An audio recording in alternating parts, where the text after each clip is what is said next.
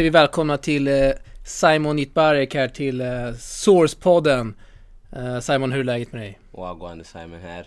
Det är bra, själv då? Det är bara bra. Poddebut va? Eller? Yes, yes, första gången faktiskt. Du har ju varit med i, inte poddar kanske, men allt annat. Ja, det är sant. Skitskoj att ha det här Simon. Vi sitter på Salk i Björn Borg-rummet. Stort tack till Johan Porsborn som, som löste detta rum, eh, måste vi ändå säga. Yes. Och eh, det är coronatider Simon. Tennishallarna är öppna. Hur mycket träning blir för din del? Eh, vi tränar på för fullt nu i bollhallen. Jag ser att vissa hallar har stängt men eh, vi, vi har det öppet. Och eh, ja, vi tränar på för fullt där och sen har jag precis börjat med en ny fystränare, Johan från Mälarhöjden. Så det, ja, det är många pass om dagen och det är bara att köra på nu när man har den här tiden. Perfekt. Vi ska starta med en faktaruta här. Yes. Eh, fullständigt namn. Simon Idbarek, Bor. Södertälje. Ålder. Jag ska fylla 20 år. Oh, stort. Ja. Intressen utanför tennis. Basket och chilla med kompisar.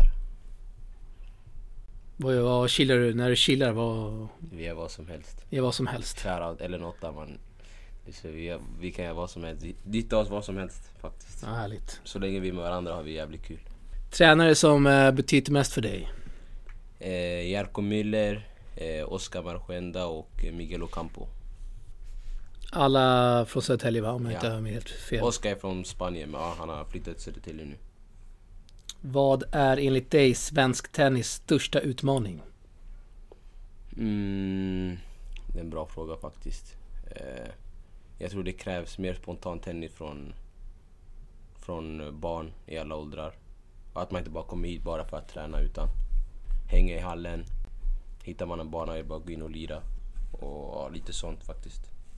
Hur mycket spontan tennis blir det för eh, av dig och kanske andra då i Södertälje? Mycket. Mycket. Alltså det, bollhallen har ju, hur ska man säga, inte utvecklats men alltså vi, folk har börjat spela mer och mer där. När jag var yngre så fick man inte spela där om man inte hade bokat bana även om man var medlem. Men jag och min bästa kompis Roland då vi var inne, vi hittade, jag kommer ihåg vi hittade en hemlig belysning, vi var typ 12 år. Så varje gång de släckte banan så gick vi in och tände igen, så var det mycket tjafs med receptionen. Men nu har det blivit bättre och bättre, vi spelar minitennis på badmintonbanor och sådana här saker. Och nu när man går in i bollhallen så har vi en minitennisbana och alla barn spelar så. Så det känns lite som vi uppfann det faktiskt. Favoritfilm? Ehm, uff, jag kollar inte så mycket på filmer. Eh, vad ska jag säga? Eh, Det finns, va? Eh, Blood Diamond. Rush Hour, Rush Hour. Rush Hour. Sorry, sorry. Favoritlåt? Eh, också en bra fråga. Eh, finns många bra låtar. ja, alltså det varierar för när jag, när jag vill lyssna på en låt så bombar jag den låten i tre dagar, sen är jag trött på den. Så det varierar. Det är mycket svensk rap, R&B, afrobeat, trap. Vilken eh, svensk eh, rapartist lyssnar du mest på? Är det Einar? Nej, Einar, eh, Einar är bra faktiskt, han är duktig. Yasin, Drelo, eh, Aden As med K27. Eh, Du har inte nämnt Grekazzo, gillar du han? Han har väldigt mycket punchlines den där killen. Men han är, han är också jä- jävligt talang faktiskt. Men eh, ja, Jirella Mix också faktiskt väldigt duktiga. Eh, kändaste person som följer på Instagram? Oj. Eh, vem är det? Lukas Pryl faktiskt. Nej, är det sant? Ja, Det är stort. ja. Skulle jag säga. Om han inte har unfollowat mig, jag vet inte. Men jag, jag tror det, det var han i alla fall. Är det efter Stockholm Open eller? Ja, för jag tror det var ett eller två år sedan. Nej, vi var hitting partners. Det var jag, Erik och Anton. Så vi blev bra vänner med han och... Vad heter han? Junior Benetot. Ja, kul. Detta konto bör man absolut följa på Insta. Tennisportal. Oj, oj, oj. Garanti. Du, eh, du stammade inte ens eller blinkade, du bara boom! Magiskt. Tack. Mm. Okej Simon, du sätter på en valfri film på Netflix. Vad äter du, vad dricker du? Jag äter... eh, Jag dricker blåbärssoppa. eller någon juice. Magisk dryck. Jag äter... eh, Vad fan äter man ja? Mat. Men sen morsan skickar alltid ut mig från tv-rummet för jag får inte äta där inne. Så. Du kör, Jag, jag äter inte så mycket där inne faktiskt, oftast. du kör inte popcorn? Nej, nej, jag är inte så, jag är inget popcorn- popcorn-fan faktiskt. Bästa spelare du sett live? Mm, vad kan det vara? Del Potro eller Dimitro. Det är någon här i Stockholm uppe i alla fall. Och eh, bästa spelare du har mött själv? Eh, på rankingen, han, eh, vad heter han? Gianluca Mager. Här i Stockholm Open också. Han eh, gick ju riktigt långt. Var det i någon tävling i Brasilien va? Ja, jag, vet, jag vet inte om det var Rio. När han, han gick till final där. Ja. Just det. Vad, eh, vad gjorde han som du kände det var liksom på en annan nivå? Eller vad? Han var väldigt, väldigt solid var han. Han dippade aldrig genom hela matchen. Och han var otroligt solid. Det, det var väldigt svårt att få, få hål på honom riktigt. Favorittävling på touren? Eh, Nigeria, garanti. Nigeria Future? Ja. Alltså Futures då eller? Nej du får välja, jag lägger orden i din mun. Du får välja vilken tävling du vill. Alltså de ATP vi har här i Sverige, Swedish Stockholm Open. Inte för att jag, spe, jag bara spelar Stockholm Open men det är väldigt roligt. Även att bara, vara där, det är otroligt kul faktiskt. Men eh, på Future-touren då är det Nigeria Future Ja. som är din nummer ett. Vi har ju snackat lite om Mm. det i, i eh, intervjuer och liknande. Hur ser din perfekta matchboll ut? Eh, en tweener lob faktiskt. Uff.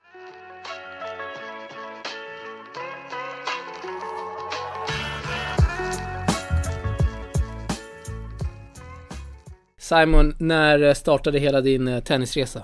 Hur gammal var du? Jag var sju och ett halvt år då jag började spela i Etiopien. I hemlandet där. Så jag var där på se- semester med familjen och ja, det var där jag började spela. Var det en slump att det blev tennis skulle du säga? Jag är inte, alltså jag spelade mycket fotboll innan. Alltså jag testade på det mesta. Jag spelade piano, fotboll, jag spelade basket. Och sen där borta så mina kusiner spelade väldigt mycket. Och så testade jag på det. Och sen när jag kom hit så fortsatte jag på med typ, det, en eller två gånger i veckan. Och spelade fotboll samtidigt. Jag spelade fotboll och tennis tills jag var 13 år. Eller 12 år. Sen var jag tvungen att välja. Nej för det blev för mycket. Det var liksom, ja. På helgen när det var matcher fick man alltid hoppa över en match. Men Vilken var din första klubb du började spela i här i Sverige? Södertälje. Södertälje. Ja. Så du har varit lojal livet ut kan man Ja. säga. Och eh, du sa att du var 12 när du började satsa fullt på tennis, är det rätt? Inte satsa men det var mer... Alltså, Spela lite mer kanske? Exakt, det var ju, vad blir det? Men då var det med att man hade träning kanske fyra gånger i veckan men eh, vi, var, vi var där varje dag ändå. Det låter lite som en satsning då, eller? Ja, det kan man säga, en egen satsning om man ska säga så. Men var det mest för att det var så kul eller fanns det någon tanke om att Nej det var mest för att det var roligt. Även när det inte fanns barn, vi var där hela tiden och kollade också. Du har, eh, du har i princip varit topp 10 i Sverige i din årskull sen du har varit 13 om jag inte helt, Mm. helt fel. Fanns det någon spelare i din eh, årskull som du kände att den här killen är på en helt annan nivå? Alltså de var ju några stycken, alltså när jag var 13 år. Garpered var otroligt duktig när vi var, när vi var så unga. Ehm, Grevelius, Örnberg, alltså de var alla väldigt svåra att slå. Så ja, de var väldigt duktiga faktiskt allihopa. Var det GOATs inom din årskull då eller? Ja, jag tror, det var någon som hade något riktigt bra år. Jag vet inte om det var Garpered. När vi var 14 år eller någonting så jag kommer inte ihåg riktigt men Ja de var, alltså jag, jag slog inte någon av dem förrän jag var, var 16 år. 15-16 år. Så Vad är det med, skulle du säga med tennisen som eh, Som gör att, eller som du har fra, kanske framförallt fastnat för? Vad är det som gör att det är så jäkla kul helt enkelt? jag vet inte, det är en individuell sport och jag tar alla beslut själv. Jag tar smällarna själv, jag vinner själv och ja, mm, jag vet inte, det, alltså det, det går inte att beskriva. Det, det, bara roligt i sig. Med kärlek till sporten och ja, jag vet inte faktiskt. Finns det, finns det någon gång du känner att ja, men tennis det är Fan nu, det, det suger liksom? Ja, det är självklart. Ofta? Det, det, inte så ofta men det, det händer ju händer ofta. Alltså, efter några, när man har några dåliga perioder så då tänker man ju så oftast men sen det, det funkar inte så riktigt. Alltså jag tänk, tar man sådana beslut, även om det bara är tennisen, man kan inte ta sådana beslut i vanliga livet heller. Så fort det går dåligt man, man kan inte bara ge upp. Det är helt rätt, bra ord. Hur mycket tennis kollar du på annars?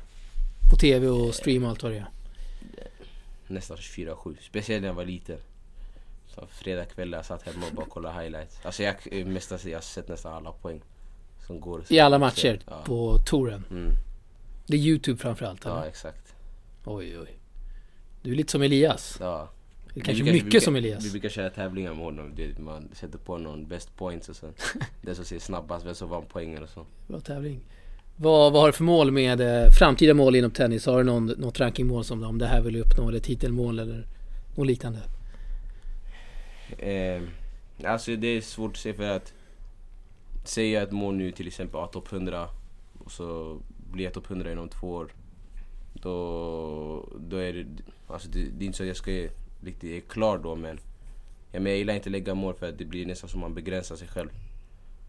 Så självklart, bli topp 100 hade varit jävligt kul. Och speciellt när jag har två förebilder som, har, som är där nästan. Elias är precis utanför och Mika har precis nått in så självklart vill man vara där med dem också. Så det är något, ett väldigt stort mål skulle jag säga. Eh, hur länge har du känt eh, just uh, Ymerbröderna? Eh, jag såg dem första gången här när jag var 10. Men vi började umgås väldigt mycket när jag var 12-13. Och ja, sen dess har vi umgåtts hur mycket som helst. Eh, med både Elias, Mika och även Rafi också. Hur mycket tennissnack är det er emellan? Tips och Det- sånt på banan och där kan du göra bättre. Simon eller... eh, Ja, det är oftast när vi står på banan. Ja okej. Det är oftast när jag frågar om det så får jag mycket tips. Men det jag har lärt mig otroligt mycket av dem, bara att vara med dem ett dygn, man lär sig mycket. Bara så som de tränar, det är inte, det inte så, man ser inte sådana människor varje dag. Och ja, det är, det är från dem jag har lärt mig att alltså, jobba hårdare. Och, ja. Så det är mycket jag har lärt mig av dem faktiskt. Mycket Fifa? Det är sant. Fifa, NBA, basketmatcher. Med Micke speciellt. Och ja, det är, alltså, vi tävlar om alltså, nästan allting. Ser vi någon basketplan då går vi dit och spelar. Det kan vara pingis, det kan vara rulla boll, det kan vara Jag helst. såg lite Insta-stories där när du körde pingis. Ja, Vem av uh, Ymrarna är bäst på pingis? Eh, Micke faktiskt. Rafi, Rafi har kommit upp en, till en helt annan nivå faktiskt. Jag tror Rafi, Rafi och Micke delar etta. Sen kommer du. Nej nej nej, jag är etta. Ja, det är bra. Eh, jag kollar på din resultat här och ser att dina tre första veckor när du spelar Futures då, någonsin, så var det ganska intressanta platser du valt. Du spelade i Kazan i Ryssland, sen var det Kazakstan, två tävlingar, eh, Almaty och Aktobe. Hur var hela den eh, resan? Alltså det var väldigt, eh, alltså det kom väldigt hastigt för jag visste inte om jag, alltså det var på den tiden man, de hade precis bytt system. Så jag kunde inte riktigt välja vilka tävlingar jag skulle åka, det var mer där jag kom in. Så fick jag åka, jag kommer ihåg oktober var vi, jag tror det var sign-in på fredag eller lördag någonting så, söndag var det. Och vi åkte dit på, jag fick reda att jag skulle åka dit på fredag liksom så det var, alltså där man kom in fick man bara åka dit och spela. Och det var så det var. För jag hade ingen ranking, eller jag hade typ några transition points men det räckte inte för att kunna välja vart jag skulle åka någonstans. Och eh, ur, eh, ja men spelmässigt, eh, de matcherna, hur rankar du? De var i, i Ryssland, där Kazan, det var, inte, det var ingen bra match. Det var ingen bra match så... Nu kommer Rafa, Rafi Ymer in i podden. Sharafa. Nu är du med i podden. Säg inget stökigt. Va? Säg inget Nej, stökigt. nej, nej. Nu har du, Ska jag ställa nu du en lyssnarfråga eller? eh, jag, jag tänkte ta dem. Du kan köra dem live här, det blir bättre. Okej, jag, kan, jag kan ställa några frågor då. Ställ då.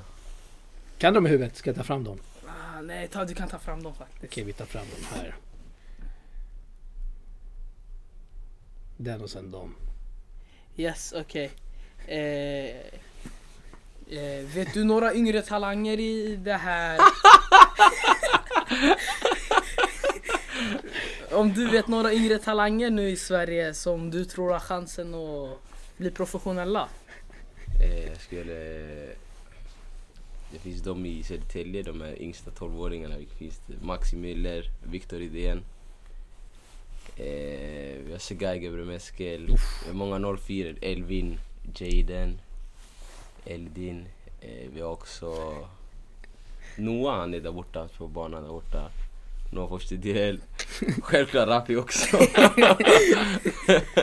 Nej det finns många faktiskt. Och sen, hur bra tror du att du kan bli? Eh, jag vet inte, jag hoppas. Jag är inte riktigt, det är svårt att säga. Men eh, vi pratade precis om den här frågan så jag hoppas jag kan bli topp 100 en dag. Okej. Och sen min sista fråga är om du har någon flickvän? Nej jag är singel. Du har en till här. Ja, jag har en. Om du skulle säga att du är tight i backhand. Ja, Är du lite tight i back på backhandsidan? sista jag är alltså. Tack för mig! innan du kom så hyllade han dina pingis-skills. Ah, jag är bra på pingis faktiskt. Du är tvåa Jag är etta skulle jag säga. efter mig. Det är stort att ha med Rafael i podden här. Eh, Får vi köra ett eh, enskilt avsnitt snart Yes. med Raffi. Som är med i kommande TP Open. Så ja, Jag hoppas du också är med då Jitbarik. garanti. Oj oj oj. Det är garanti alltså. Yes. Stort. Tack för mig! Tack så mycket Raffi. Uh, vart var vi där? Eh, vi snackade lite om eh, dina insatser i Future. Mm. Första tre tävlingarna. Nej det var inte, jag kommer ihåg att jag var inte så nöjd med de tre tävlingarna. Eh, jag var inte så bra form. Eh, och eh, ja men jag jobbade på. Jag hade precis börjat med den här nya tränaren då, den spanska. Tillsammans med Jarko då, med, det var ett samarbete men.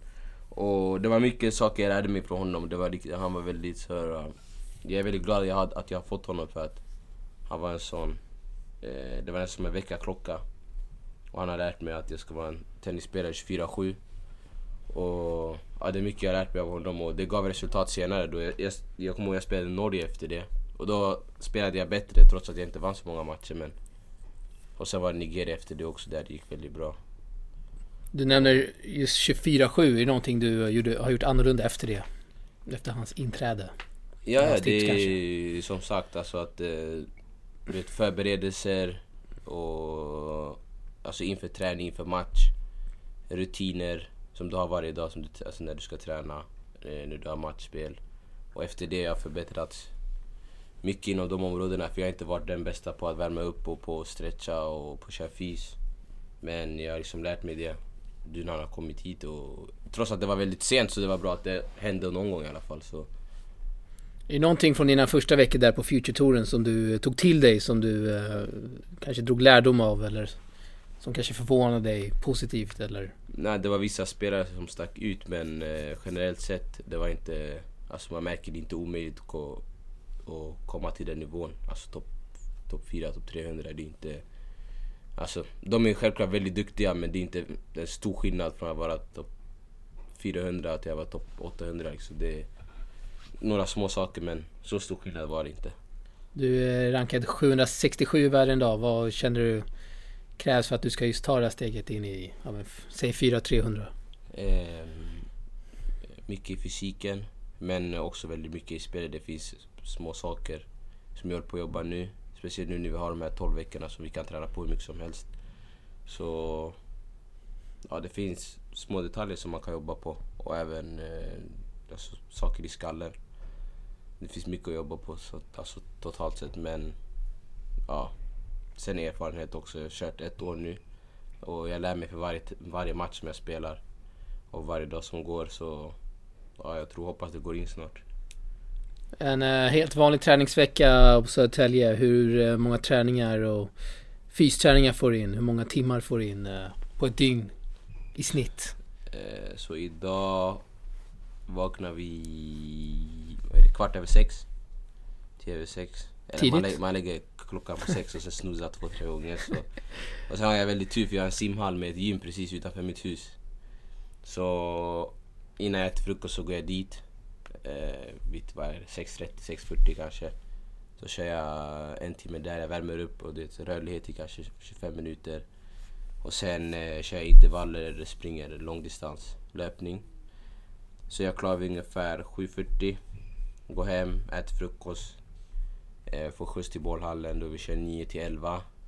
Sen äter vi lunch. Kör sen 1.30 till 3. Tennis igen. Och sen på kvällen vid 7.30 kör fys till 9. Det är späckat schema Ja. med andra ord. Mm, Kul! det, är- det är roligt faktiskt. Kunde få in en timme podd här också, mitt bland allt. Exakt. Och eh, kommande veckor, eh, ingen vet ju riktigt vad som eh, händer. Tennissäsongen kanske, ja det kan ju bli längre än 8 juni. Vad, blir det mycket matcher här framöver eller lägger man in extra fys eller hur? tänker du kring den delen? Nej, det är mest, nu speciellt de första veckorna, då är det ju mestadels fys. Och, men samtidigt, man får ju träna på de saker som man har tränat på i tennisen också. Men just nu är det mest fokus på fysen och ja, mina saker där då. Vi ska hoppa tillbaka till Stockholm Open eh, 2019. Du spelar kval eh, mot Gianluca Maggier. Stämmer att du fick beskedet kvällen innan att du skulle få det här sista wildcardet? Ja, det var ju så jag spelade en match i Mälarhöjdens vintertour. Där vi typ, vad kan det vara, sex på kvällen. Och så mitt under matchen så vinkade min far, för jag var också lite nojig innan för jag, vis, jag visste inte om jag skulle få det eller inte, det hade varit någon diskussion om det. Och då vinkade han till mig och sa men ja, du har fått VSet. Och efter det så blev det Donken Rush. och sen hem och sova. Donken Rush, Ja, sa du det? Mm. Jag tror det var Donken med min lillkusin faktiskt. Där i Södertälje, de hade öppnat en ny McDonalds. Var det... Vad käkade du? Minns du? Eh, Nej jag tror vi hade ätit hemma och så gick vi dit och tog någon milkshake eller Ja, okej. sånt. Vi bara på- Du körde inget stort mål? Nej nej nej. Det verkade vara väldigt avslappnat. Jag och Ragan fick ju några, en, två, tre minuter där, eh, någon kvart innan match. Mm. Har vi en minut med. Simon Barek? Vi tar en minut. Han, han spelar om några minuter på centerkorten. Vi gör det, det är klart vi gör. Min agent 30 sekunder. Agenterna får, ni får kolla så att det sägs rätt grejer här. Så det inte kommer ut fel grej i media. Då står vi här med dagens tredje svensk, Simon Itbarek, som är på väg in på centerkort snart. När fick du reda på att du skulle lira idag? Eh, jag hade match igår i Mälarhöjdens vintertour. Så spelade jag på banan längst in och jag ser bara hur min, min pappa står och vinkar åt mig. Bara, ah, du kom in, du kom in nu. Ja, det var, det var roligt att höra. Är det här roligare än Mälarhöjdens vintertour eller? Eh, jag tror Mälarhöjden är lite roligare men alltså jag menar lite mer publik här och lite större arena så nej men Mälarhöjden tar det faktiskt. Italiano du ska möta, vad kan de han? Eh, jag såg några highlights igår bara och han spelar, han spelar rätt solid tror jag. Jag, inte, jag vet inte så mycket om honom faktiskt men eh, han ska vara duktig. Ja. Det är bara in och köra, du är underdog, det är bara att slå på som vanligt. Yes. Ja. Jag försöker göra mitt bästa och kämpa hela vägen. Ja, grymt. Vi önskar lycka till. Tack så jättemycket. Bra, kör. Var det verkligen avslappnat eller kände du, var det nervigt? Alltså det, jag hade ingen press såklart för att jag är ju inte favorit direkt men sen samtidigt, det var inte lätt första gången. Jag trodde det skulle vara lättare än vad det var. Jag var väldigt nervös när jag kom in där. För att jag kände inte att formen heller var på topp. Men det släppte sen efter några game. Men ja, annars var man väldigt tight. Speciellt första, första servegamet. Jag kände mitt ben började typ skaka eller någonting. Nej. Men sen släppte det som tur. Med hjälp av eh, ett av mina, mina vänner som var i publiken. Och, ja, men det var väldigt cool stämning faktiskt var det. Var det första gången du spelade på centerkorten i Kungliga? Ja, en match alltså. Annars har man slått, tränat lite där innan men match var det första gången. Kändes det något konstigt på något sätt eller var det... Du kom in i det kanske? Ja, man kom in efter några game men det var som sagt alltså, det var väldigt tight i början. Eh, och jag inte, det var, det var inte lika lätt. Alltså, det kändes inte som att spela på alltså, en vanlig match. Jag hade, alltså, hela matchen ut, jag var hur trött som helst. Alltså, jag blev andfådd direkt efter ett alltså, dubbelfel. Jag kunde knappt andas. Jag tänkte, vad, vad är det som händer? Men eh, ja, jag antar att jag var väldigt tight den dagen, eller den matchen. Det är mänskligt. Mm, Vi hoppas på fler chanser där eh, ja. Inom kort. Eh, Jag ser också här att du har gjort, eh, ja men innan då Corona-breaket, vad man kallar det, gjorde fyra raka veckor i Sharm el Sheikh. Mm. Eh, Kvartsfinal, bästa facit och då undrar man då hur det är att spendera fyra, fyra veckor på raken i just Sharm el Sheikh. Oh, fyra ve- alltså där Sharm el Sheikh var väldigt, var väldigt fint. Det var en resort och ett eh, typ instängt område med väldigt många, alltså det var väldigt modernt där. Jag tror det var nybyggt eller någonting. Och banorna var precis utanför, eh, utanför hotellet så allting var väldigt nära, man behövde inte åka utanför resorten direkt. Men eh, alltså det var hur lyxigt som helst, det var nästan som att man var på semester. Men sen fick man inte glömma heller att man var där på tävling så. Men fyra veckor var lite väldigt, alltså det var väldigt mycket. Sista veckan kunde man verkligen känna att det blev tufft. Alltså även mentalt. Men det var bara att bita ihop. Just att se samma banor och Ja exakt. samma resort och... Ja, Eh, Var det all inclusive som man brukar ha då? ja det var det. Bra mat. Det var väldigt bra mat faktiskt. Och hur eh, hur mycket häng hann man med i stan? Det, där i Egypten. Ja, ja. Eh, På kvällar kanske, mellan träning och matcher. nej alltså stan var precis, precis utanför resorten. Ja, okej. Så det var, alltså allt var i, i samma område. Ah. Så det var väldigt fint så vi gick dit nästan varje kväll, spelade lite biljard, bowling. Ja lite sånt. Du kan rekommendera en sån tripp eller? Garanterat. Oj oj oj. Garanterat. Oj oj. Då kanske vi åker dit någon gång. Vi har fått in, eh, det är nästan så att det är rekord i antal eh, lyssnarfrågor. Okej. Eh, 25 i runda slängor. Vi kör alla tycker jag. Ja, vi kör. Ja, Minus Rafa då, då blir det 21 då. Ja. Eh, Jönköping Tennisklubb frågar så här. Målsättningar tre år framåt. Eh, Topp 200 skulle jag säga. Yes. Vi fortsätter. Erik Davidsson. Hur kommer det sig att du har blivit så duktig på tennis?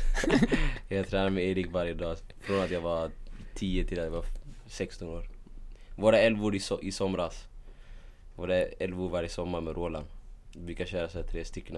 Gå till Södertäljes utomhus grusbanor i typ fem timmar i sträck. Bara spela om 20 kronor. Ja, kul. Blir det mycket hat då eller är det mest? Det blir hetsigt. Det blir hetsigt. Till slut slutar det med att ingen betalar. Eh, Matti Slam här frågar. Jerko Müller eller Oscar Maruena? Är det rätt uttal? Aj, aj, aj. Nej, det går inte att välja faktiskt. Måste säga att, eh, bara flika in att Jerko är otroligt eh, aktiv på främst Instagram. Ja, Det är videos varje dag. ja det Det gillar man. Ja, Ja, det är bra. han är väldigt aktiv där faktiskt.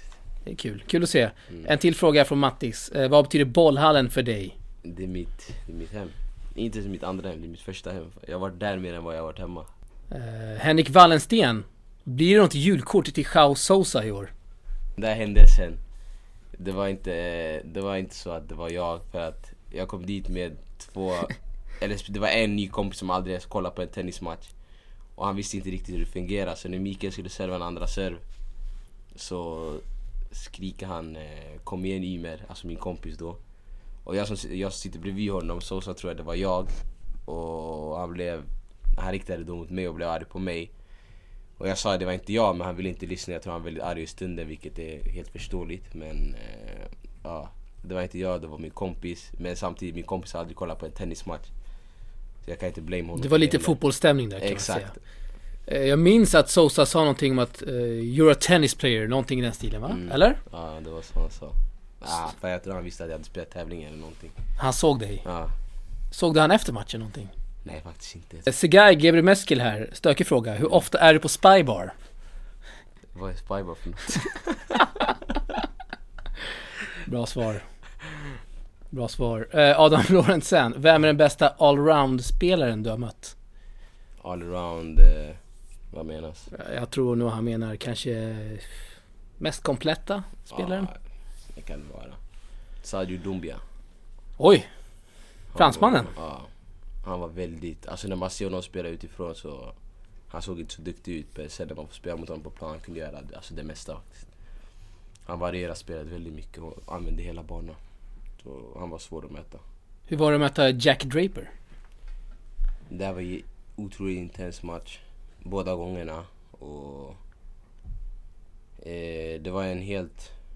Det var som, alltså det var en ny nivå av spelare. Han utmanade, ja, han utmanade mig verkligen för att jag spelade bättre och det gjorde jag också.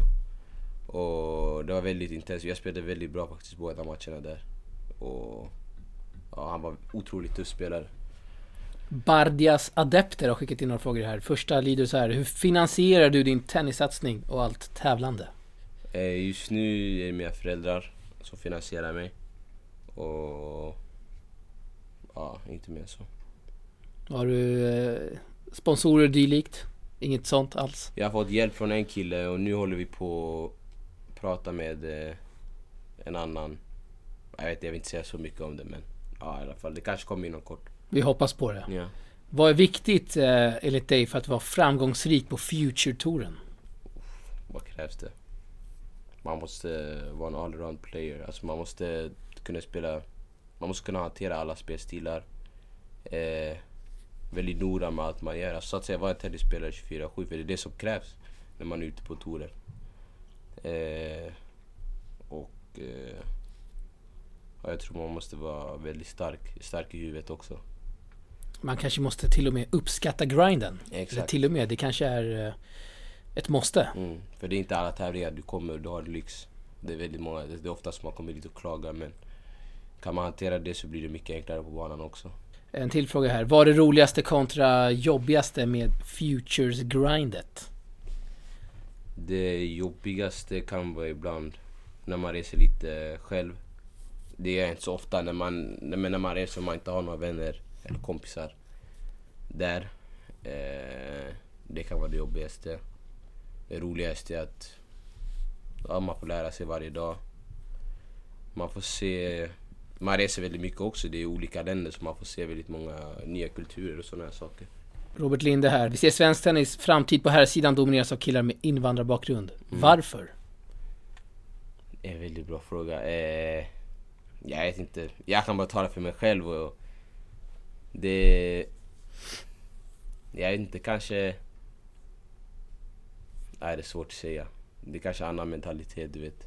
Från he- hemifrån och lite allt. Lite allt möjligt. Vi har, ju Det är det, vi har ju det i fotbollen där med hela blåa linjen och Mm. AIK. Det är många, väldigt många som Ja. har nått väldigt, väldigt långt. Det kanske finns ett annat driv där ute i förorterna. När man, när man ser ute i förorterna, alltså det är folk som spelar, alltså, om vi tar exempel fotboll, du ser fo- folk samla och spela fotboll hela tiden. Alltså det flera timmar per dag. Jag kommer ihåg när jag själv gjorde det. Eh, när det kom till fotboll, även i tennis också.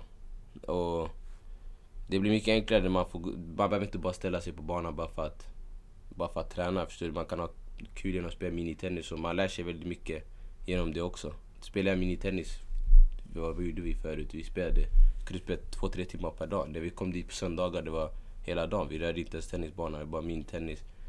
Och du utvecklade din, vad är det, touch, händer. Eh, man lär sig mycket saker även när man bara, alltså inte lallar men det är ju typ lalla på banan. Och det behöver inte vara stå, stå och slå hela tiden i två, tre timmar och sen åka hem. Och sen kolla mycket på tennis också. Det alltså intresse, så länge man har intresse för sporten så blir det enklare. Och, ja. Det tror jag är extremt viktigt, Mm. som du säger. Intresset. Hur och varför har du kommit Hur och varför har du kommit dit du är idag? Eh, ja. Ja, det är för att jag... Ja, det är som jag precis sa, det är, min kärlek för sporten är enorm. Och jag tror det är för att jag har lagt ner så mycket tid på banan och i hallen. Eh, och jag har lärt mig otroligt mycket, även bara kollat på tennis. Och en stund i mitt liv, det var ju nästan bara... Alltså det andades och allting. Allting jag gjorde var bara tennis. Och mina föräldrar sa till mig att jag fick, alltså var tvungen att komma bort lite för det blev nästan lite för mycket. Jag vilodag på söndag och åker till bollhallen ändå och spelar. Dagar efter eh, i vissa tävlingar när man kommer hem från typ RM och sånt och träningsvärk över kroppen. Så jag bestämde, alltså min pappa ibland fick ta väskan med sig till jobbet för att jag inte skulle gå till bollhallen. Så det var, jag tror det är lite därför som jag kom hit hit. Ja. Vilka beslut längs vägen har varit bra och eh, vilka har varit dåliga? Vilka var då? Vilka beslut längs ja, men, din tennisresa har varit bra och dåliga? Bra beslut som jag har gjort. Eh, att hela tiden stanna i Södertälje med samma tränare hela vägen. Eh, för vi har fått en... Alltså vår relation är inte tränare, alltså tränare spelare längre. Det är alltså pappa son liksom. Jag kan se honom som en pappa till min bästa kompis. Och även Oskar har fått så relation på så kort tid. Och jag tror det är viktigt. Sämre beslut. Eh, vad kan det vara? Att jag inte börjat med fystränare tidigare.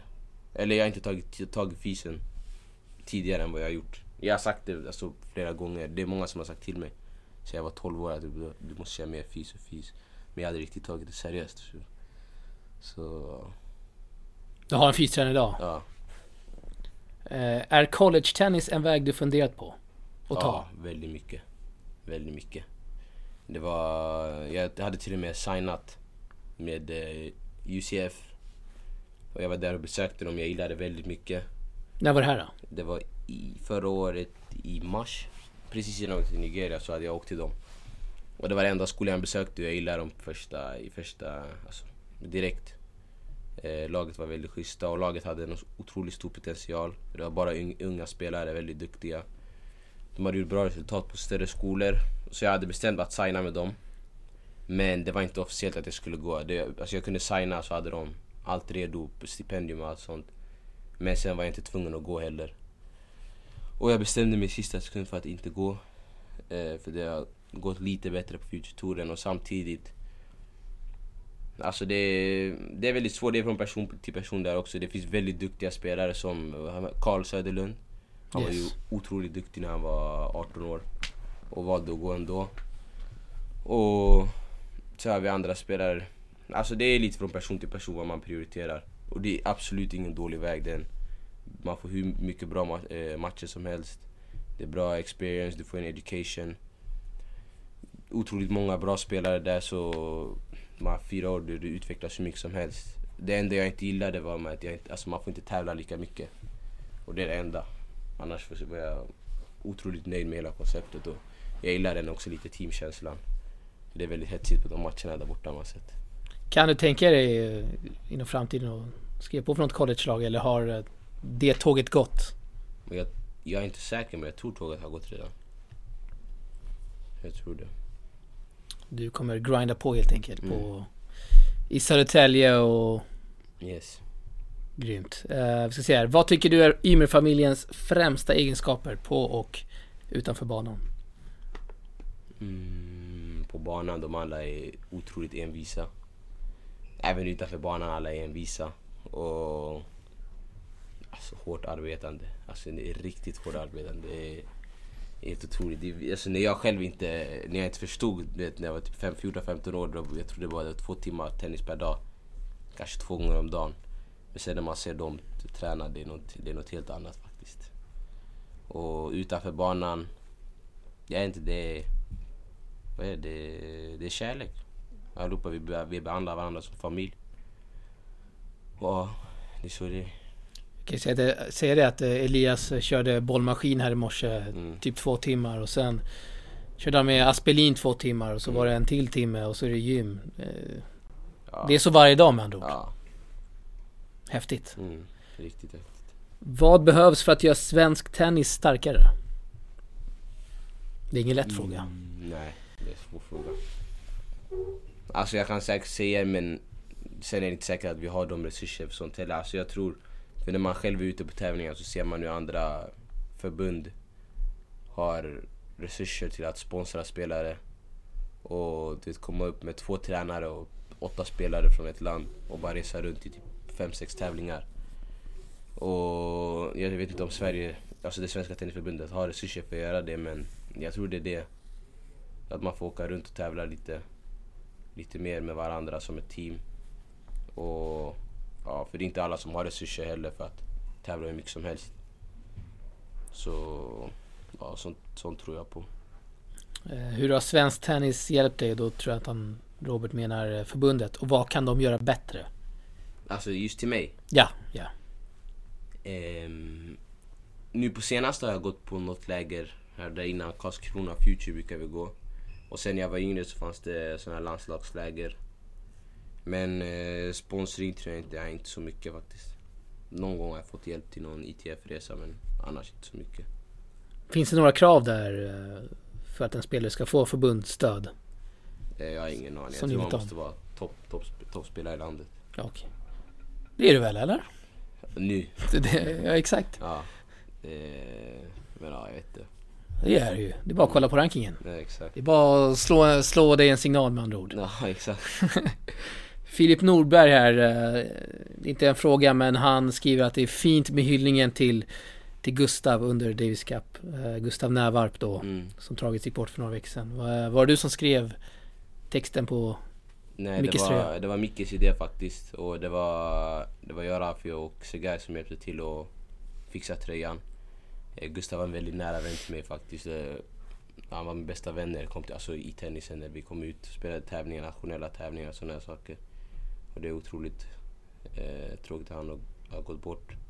Hoppas han vilar i frid och ja, alla mina tankar går till familjen. Ni är födda samma år. Ja, exakt.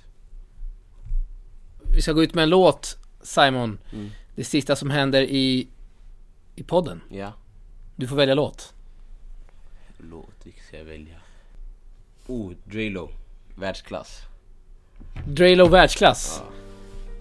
Det är inga stökiga lyrics utan eh, den kan man Wow. köra. Nej vi kör den, vi ska inte vara såna. Drelo med världsklass. Och eh, då tackar vi dig Simon Nitbarek för att du kunde vara med här i podden. Tack så Eh. Hoppas det var kul. Tack, det var det absolut. Eh, När som helst. när som helst, det gillar vi. Innan du går, vem bör vi ha med i podden framöver? Mm.